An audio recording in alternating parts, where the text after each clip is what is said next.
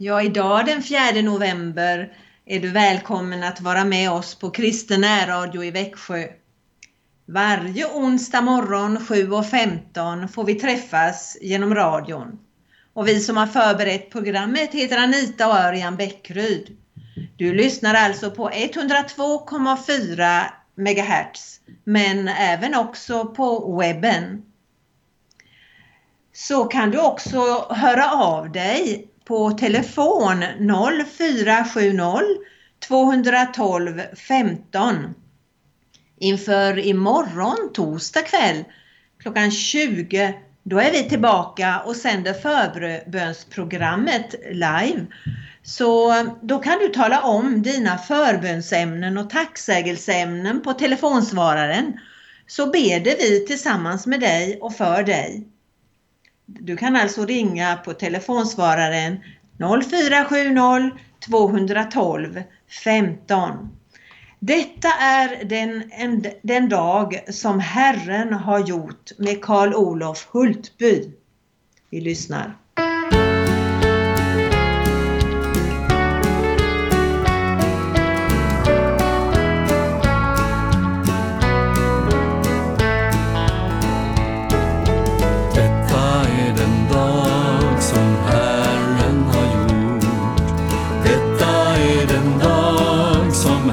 Herren har gjort. Så låt oss på den fröjdas och vara glada, för detta är den dag som Herren har gjort.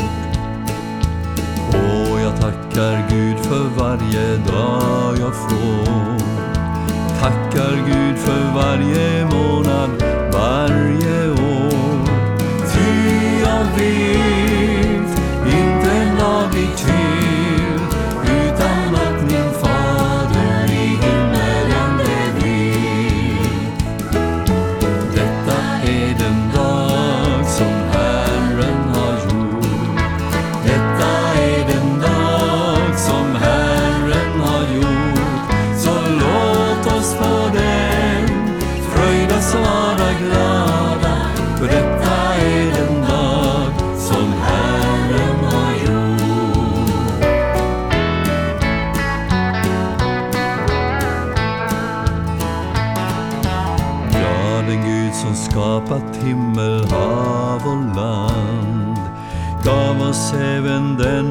Ja, han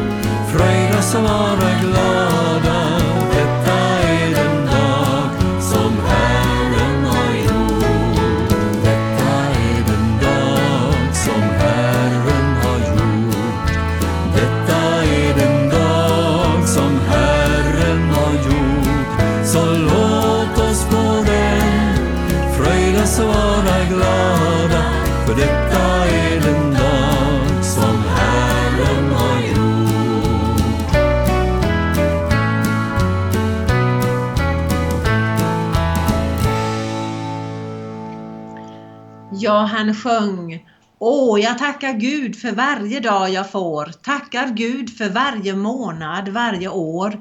Ty jag vet, inte en dag blir till utan att min fader i himmelen det vill.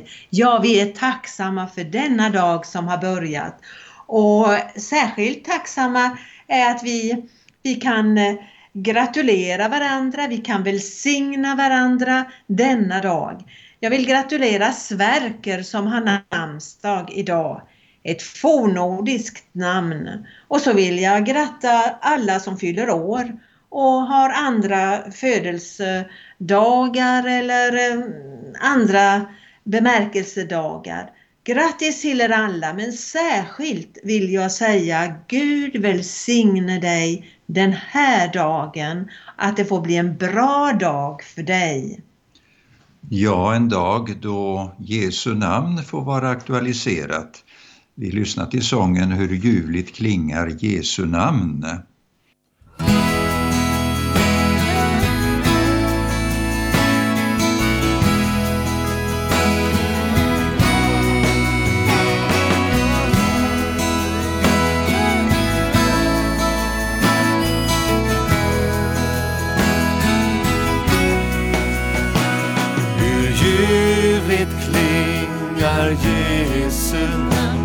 Förvandla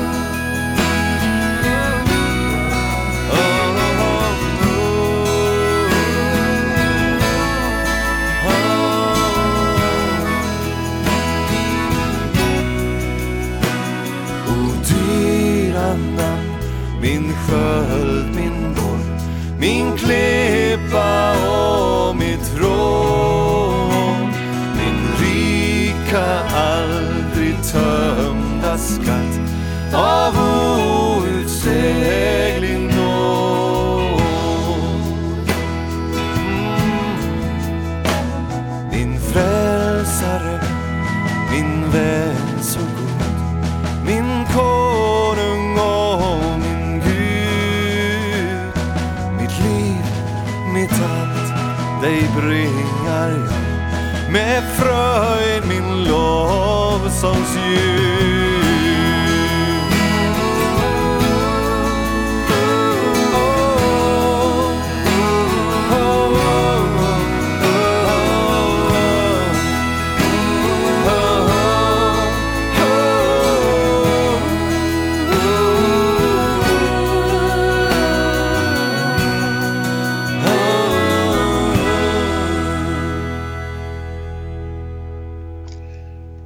Ja, den här sången sa ju hur ljuvligt klingar Jesu namn och det måste ju betyda att man hör hans tilltal på något sätt.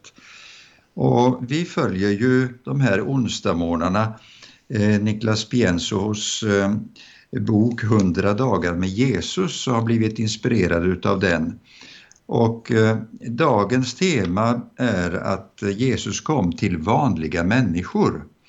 Och vi läser ifrån Johannesevangeliets första kapitel. Nästa dag stod Johannes där igen med två av sina lärjungar.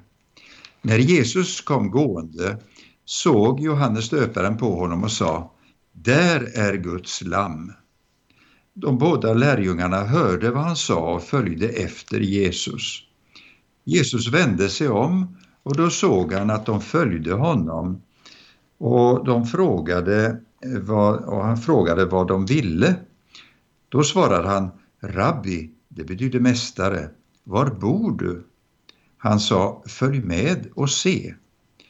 De gick med honom och såg var han bodde och stannade hos honom den dagen. Det var sent på eftermiddagen. Andreas, Simon Petrus bror, var en av de två som hade hört Johannes döparens ord och följt med Jesus. Han träffade först sin bror Simon och sa till honom Vi har funnit Messias, det betyder Kristus. Han tog med honom till Jesus. Jesus såg på Simon och sa Du är Simon, Johannes son, du ska få heta Kefas, det betyder Petrus. Nästa dag tänkte Jesus bege sig därifrån till Galileen. Då träffade han Filippos. Han sa till honom Följ mig. Filippus var från Betsaida, från samma stad som Andreas och Petrus. Filippus träffade Natanael och sa till honom Vi har funnit honom som det står om i Mose lag och hos profeterna, Jesus, Josefs son från Nasaret. Natanael sa, kan det komma något gott från Nasaret? Filippos svarade, följ med och se. Jesus såg Natanael komma och sa om honom, där är en sann israelit, en som är utan svek. Natanael frågade, hur kan du känna mig? Jesus svarade, innan Filippos ropade på dig såg jag dig under fikonträdet. Natanael svarade, Rabbi, du är Guds son, du är Israels kung. Då sa Jesus till honom, du tror därför att jag sa att jag såg dig under fikonträdet. Större ting ska du få se. Och han sa, sannerligen säger jag er, ni ska få se himlen öppen och Guds änglar stiga upp och stiga ner över Människosonen. Att samla lärjungar var vanligt på Jesu tid. Det ovanliga med Jesus är den grupp av lärjungar han samlar. I regel var valet av lärjungar en noggrann process där man var angelägen om att bara få med de bästa i laget.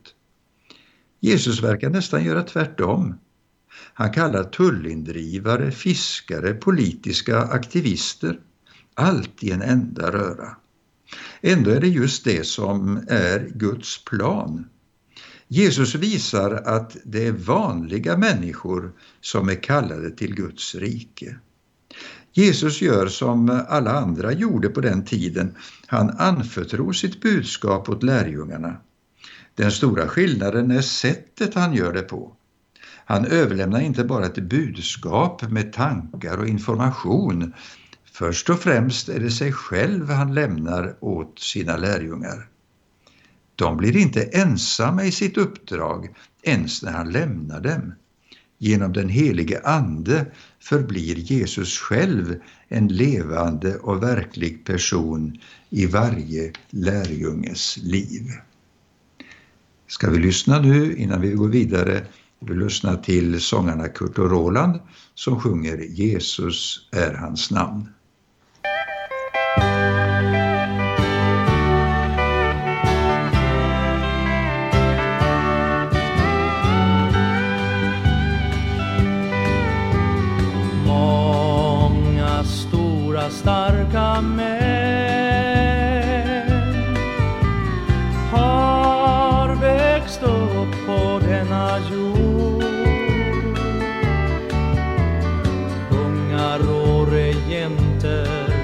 Som vi tyckte hade makt. Men det har förbleknat och ingen hade kraft. Det finns en jag känner en som aldrig bleknar Aldrig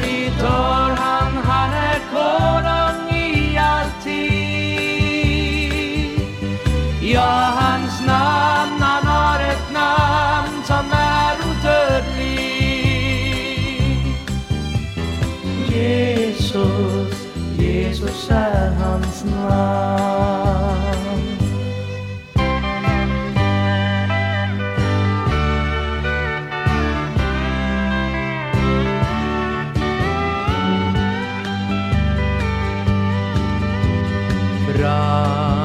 till månen har vi nått.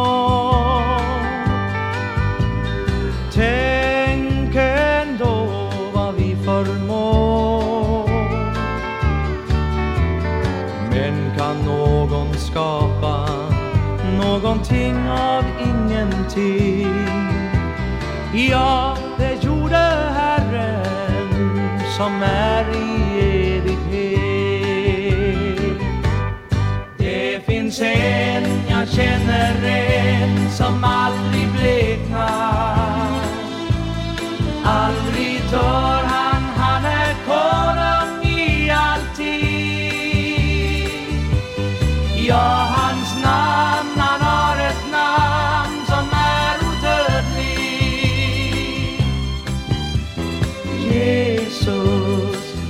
Jesus är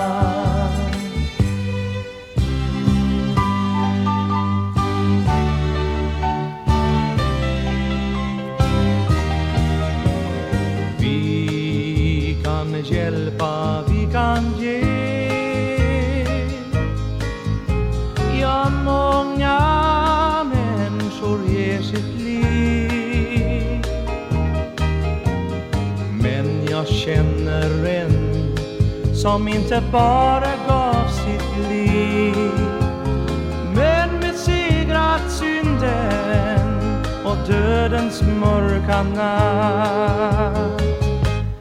Det finns en jag känner en som aldrig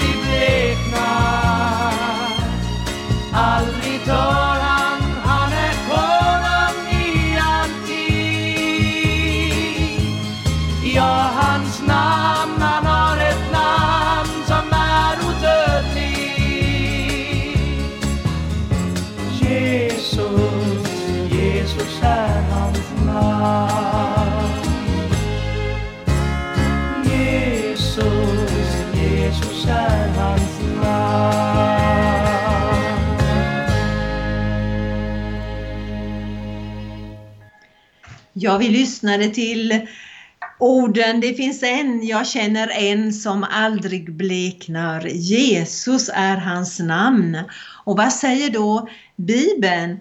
Ehm, vi har Apostlagärningarna 4 och 12. Där står det Hos ingen annan finns frälsningen och ingenstans bland människor under himlen finns något annat namn som kan rädda oss. Det är bara Jesus som vi lyssnar till här. Ja, detta budskap gick ut och Jesus kallade ju sina lärjungar och alla fyra evangelier berättar samma sak men på lite olika sätt. Jag har i min pastorsgärning flera gånger mött människor som ställer sig frågan men varför är det fyra evangelier?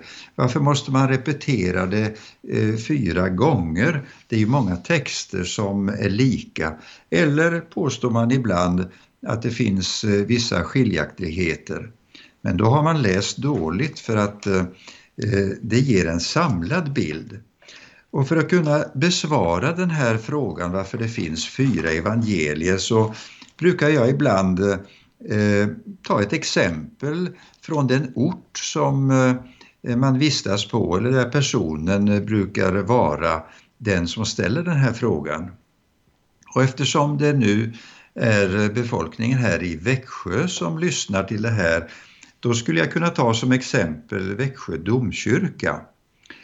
Om du har fyra personer som bara sett en sida utav Växjö domkyrka, då blir ju den beskrivningen riktig.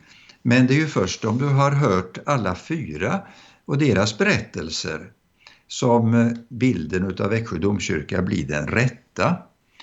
Du kan ju tänka dig någon som åker på tåget och tittar ut över Linnéparken och ser eh, domkyrkan där och säger ja, den skymtar fram och eh, den är inte så lång men eh, sidan är, den ena sidan går ut emot en park, det har jag i alla fall sett.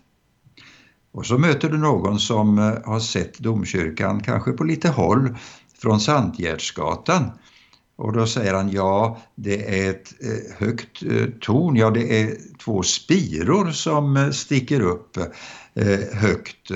Och en ingång som är med en stor port med dubbla dörrar.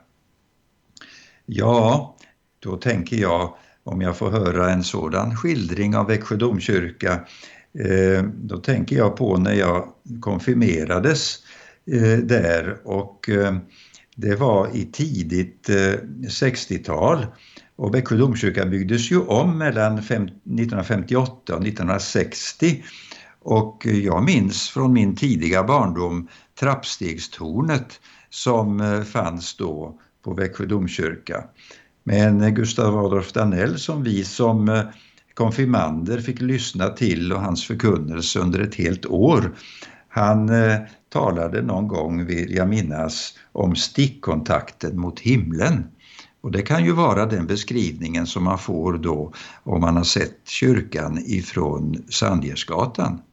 så kanske det är någon som har sett eh, Växjö domkyrka ifrån eh, andra långsidan och säger att ja men där ligger Karolinerhuset och eh, det skymmer lite grann där men eh, eh då kan man se domkyrkan där. Och sen är det någon som har sett eh, emot koret på andra sidan och säger ja men det är ett en glas, ett mosaikfönster och där eh, kan man läsa den så kallade Växjösalmen. Ja, med den här lilla illustrationen så lägger du märke till att samlar man de här olika fyra eh, Eh, beskrivningarna av Växjö domkyrka då får man ju en mera enhetlig bild utav det hela. Och så är det för mig. Så enkelt är det att vi har fyra evangelister som berättar om Jesus och vad han gjorde. Och I inledning av sin offentliga verksamhet så kallar Jesus en grupp unga män till att bli hans lärjungar. Det var en vanlig ordning på den tiden och alla kända religiösa ledare som kallades rabbiner de samlade en grupp lärjungar omkring sig som hade till uppgift att mycket noggrant lyssna till sin mästares undervisning, memorera den och föra den vidare. Att bli lärjunge var ett förtroendeuppdrag som ställde krav på både intellektuell förmåga och lojalitet. I regel valde rabbinerna ut sina lärjungar bland unga pojkar eftersom alla pojkar på den tiden fick lära sig stora delar av Gamla testamentet utan till i synagogan. Ja, synagogan var ju, hade ju många olika eh, an, ja, eh, det hände mycket i synagogorna. Det var rådhuset för bygden och det var skolan och det var gudstjänstlokalen. Och då kunde man där sålla fram de mest talangfulla och intresserade bibelstudenterna. De som inte hade samma intresse eller fallenhet för bibelstudiet fick lära sig ett vanligt yrke som snickare eller fiskare. Och för de mera begåvade studenterna så väntade ett liv i skola hos någon känd rabbin. Man fick lära sig de stora religiösa tolkningstraditionerna. Man fick öva sig i analys och samtal. Framförallt lärde man sig att ställa frågor. Och eh, Eh, eftersom kunskap handlar lika mycket om att ställa de rätta frågorna som att hitta de rätta svaren så kan man ju ana att denna kultur eh, så var det några av samtalen mellan Jesus och skriftlärda som gick till på det sättet. Gång på gång uppvaktade de Jesus med kluriga frågor och det var så man brukade söka sig fram till klarhet. Rabbinerna och deras lärjungar hade hög status i det judiska samhället men det var det som förvaltade kunskapen om Guds lag och som tolkade den så att folket skulle kunna leva i Guds vilja. När Jesus kallar sina lärjungar väljer han inte bland de duktigaste studenterna. Han väljer alltså bland fiskare, tullindrivare och politiska radikaler. Det var de som inte hade klarat kraven i den första gallringen bland de unga pojkarna i bibelskolan. Jesus väljer dem till sina närmaste medarbetare bland alldeles vanliga unga män. De får en annan chans. Att bli lärjunge till Jesus kräver inte att du är tillräckligt kvalificerad. Jesus själv visar att det inte är naturbegåvningar han söker. Det han söker är människor som vill följa honom, lära av honom, formas av honom och föra hans undervisning vidare. På det sättet har de tolv lärjungarna som Jesus valde inte en utestängande betydelse utan en inneslutande. Kan de, så kan också du. Jesus kallar vanliga människor till lärjungaskap. Tacka Jesus för att du Eh, verkligen passar in i hans närhet och bestäm dig för att eh, du kanske också kan be någon eller föreslå någon att följa med dig till en gudstjänst och få höra mera om Jesus. Ja, så lyssnar vi till nästa sång som heter Vid Genesaret. Det är Lena Maria Klingvall som sjunger och den sången eh, talar ju verkligen om hur Jesus gick i Genesarets sjö.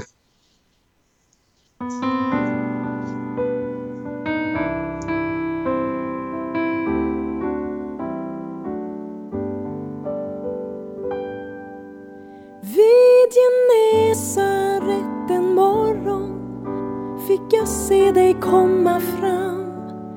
Du gick ner till oss vid näten där vi satt vid båten stam.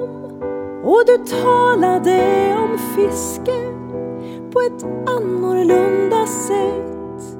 Kasta näten ut, men på större djup, på ett nytt Genesaret. Du ska följa mig, så sa du. Vi ska bilda fiskelag. Vi ska ut på fiske av ett något annat slag. Och så gick vi, bara gick vi. Något märkligt hade skett. Du gick före mig och jag följde dig ut på ditt Genesaret.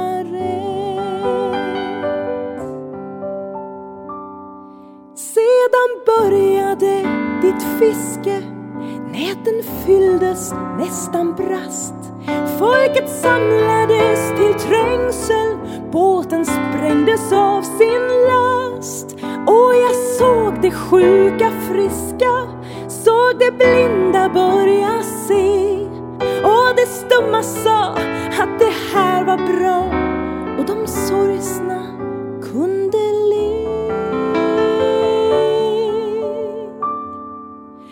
Jag fick följa dig på djupen där du tystar stormens brus. Och jag fick se dig gå på vågen och min hela dag blev ljus.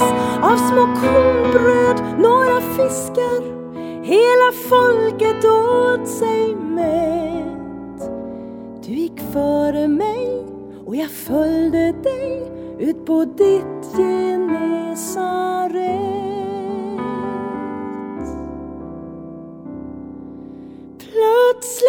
kom det tunga slaget. Jag gick hem till mina nät.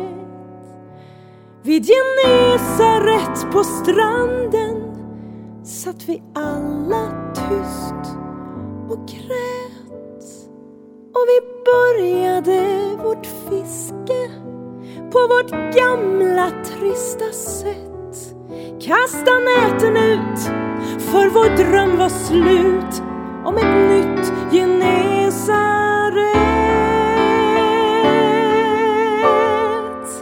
Men då stod du där på stranden där vi fiskat utan hopp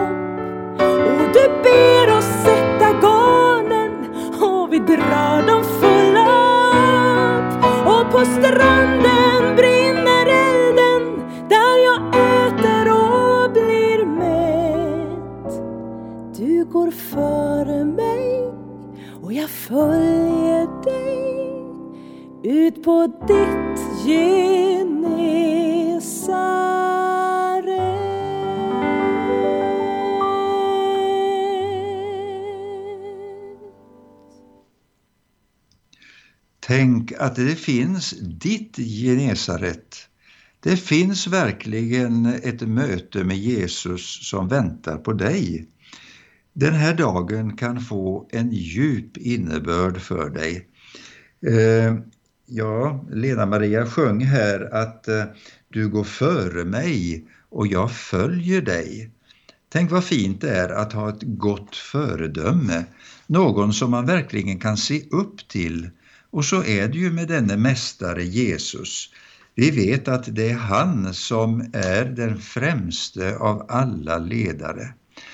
Vi eh, hör i de här dagarna om många som söker bli valda att vara ledare för folk och länder.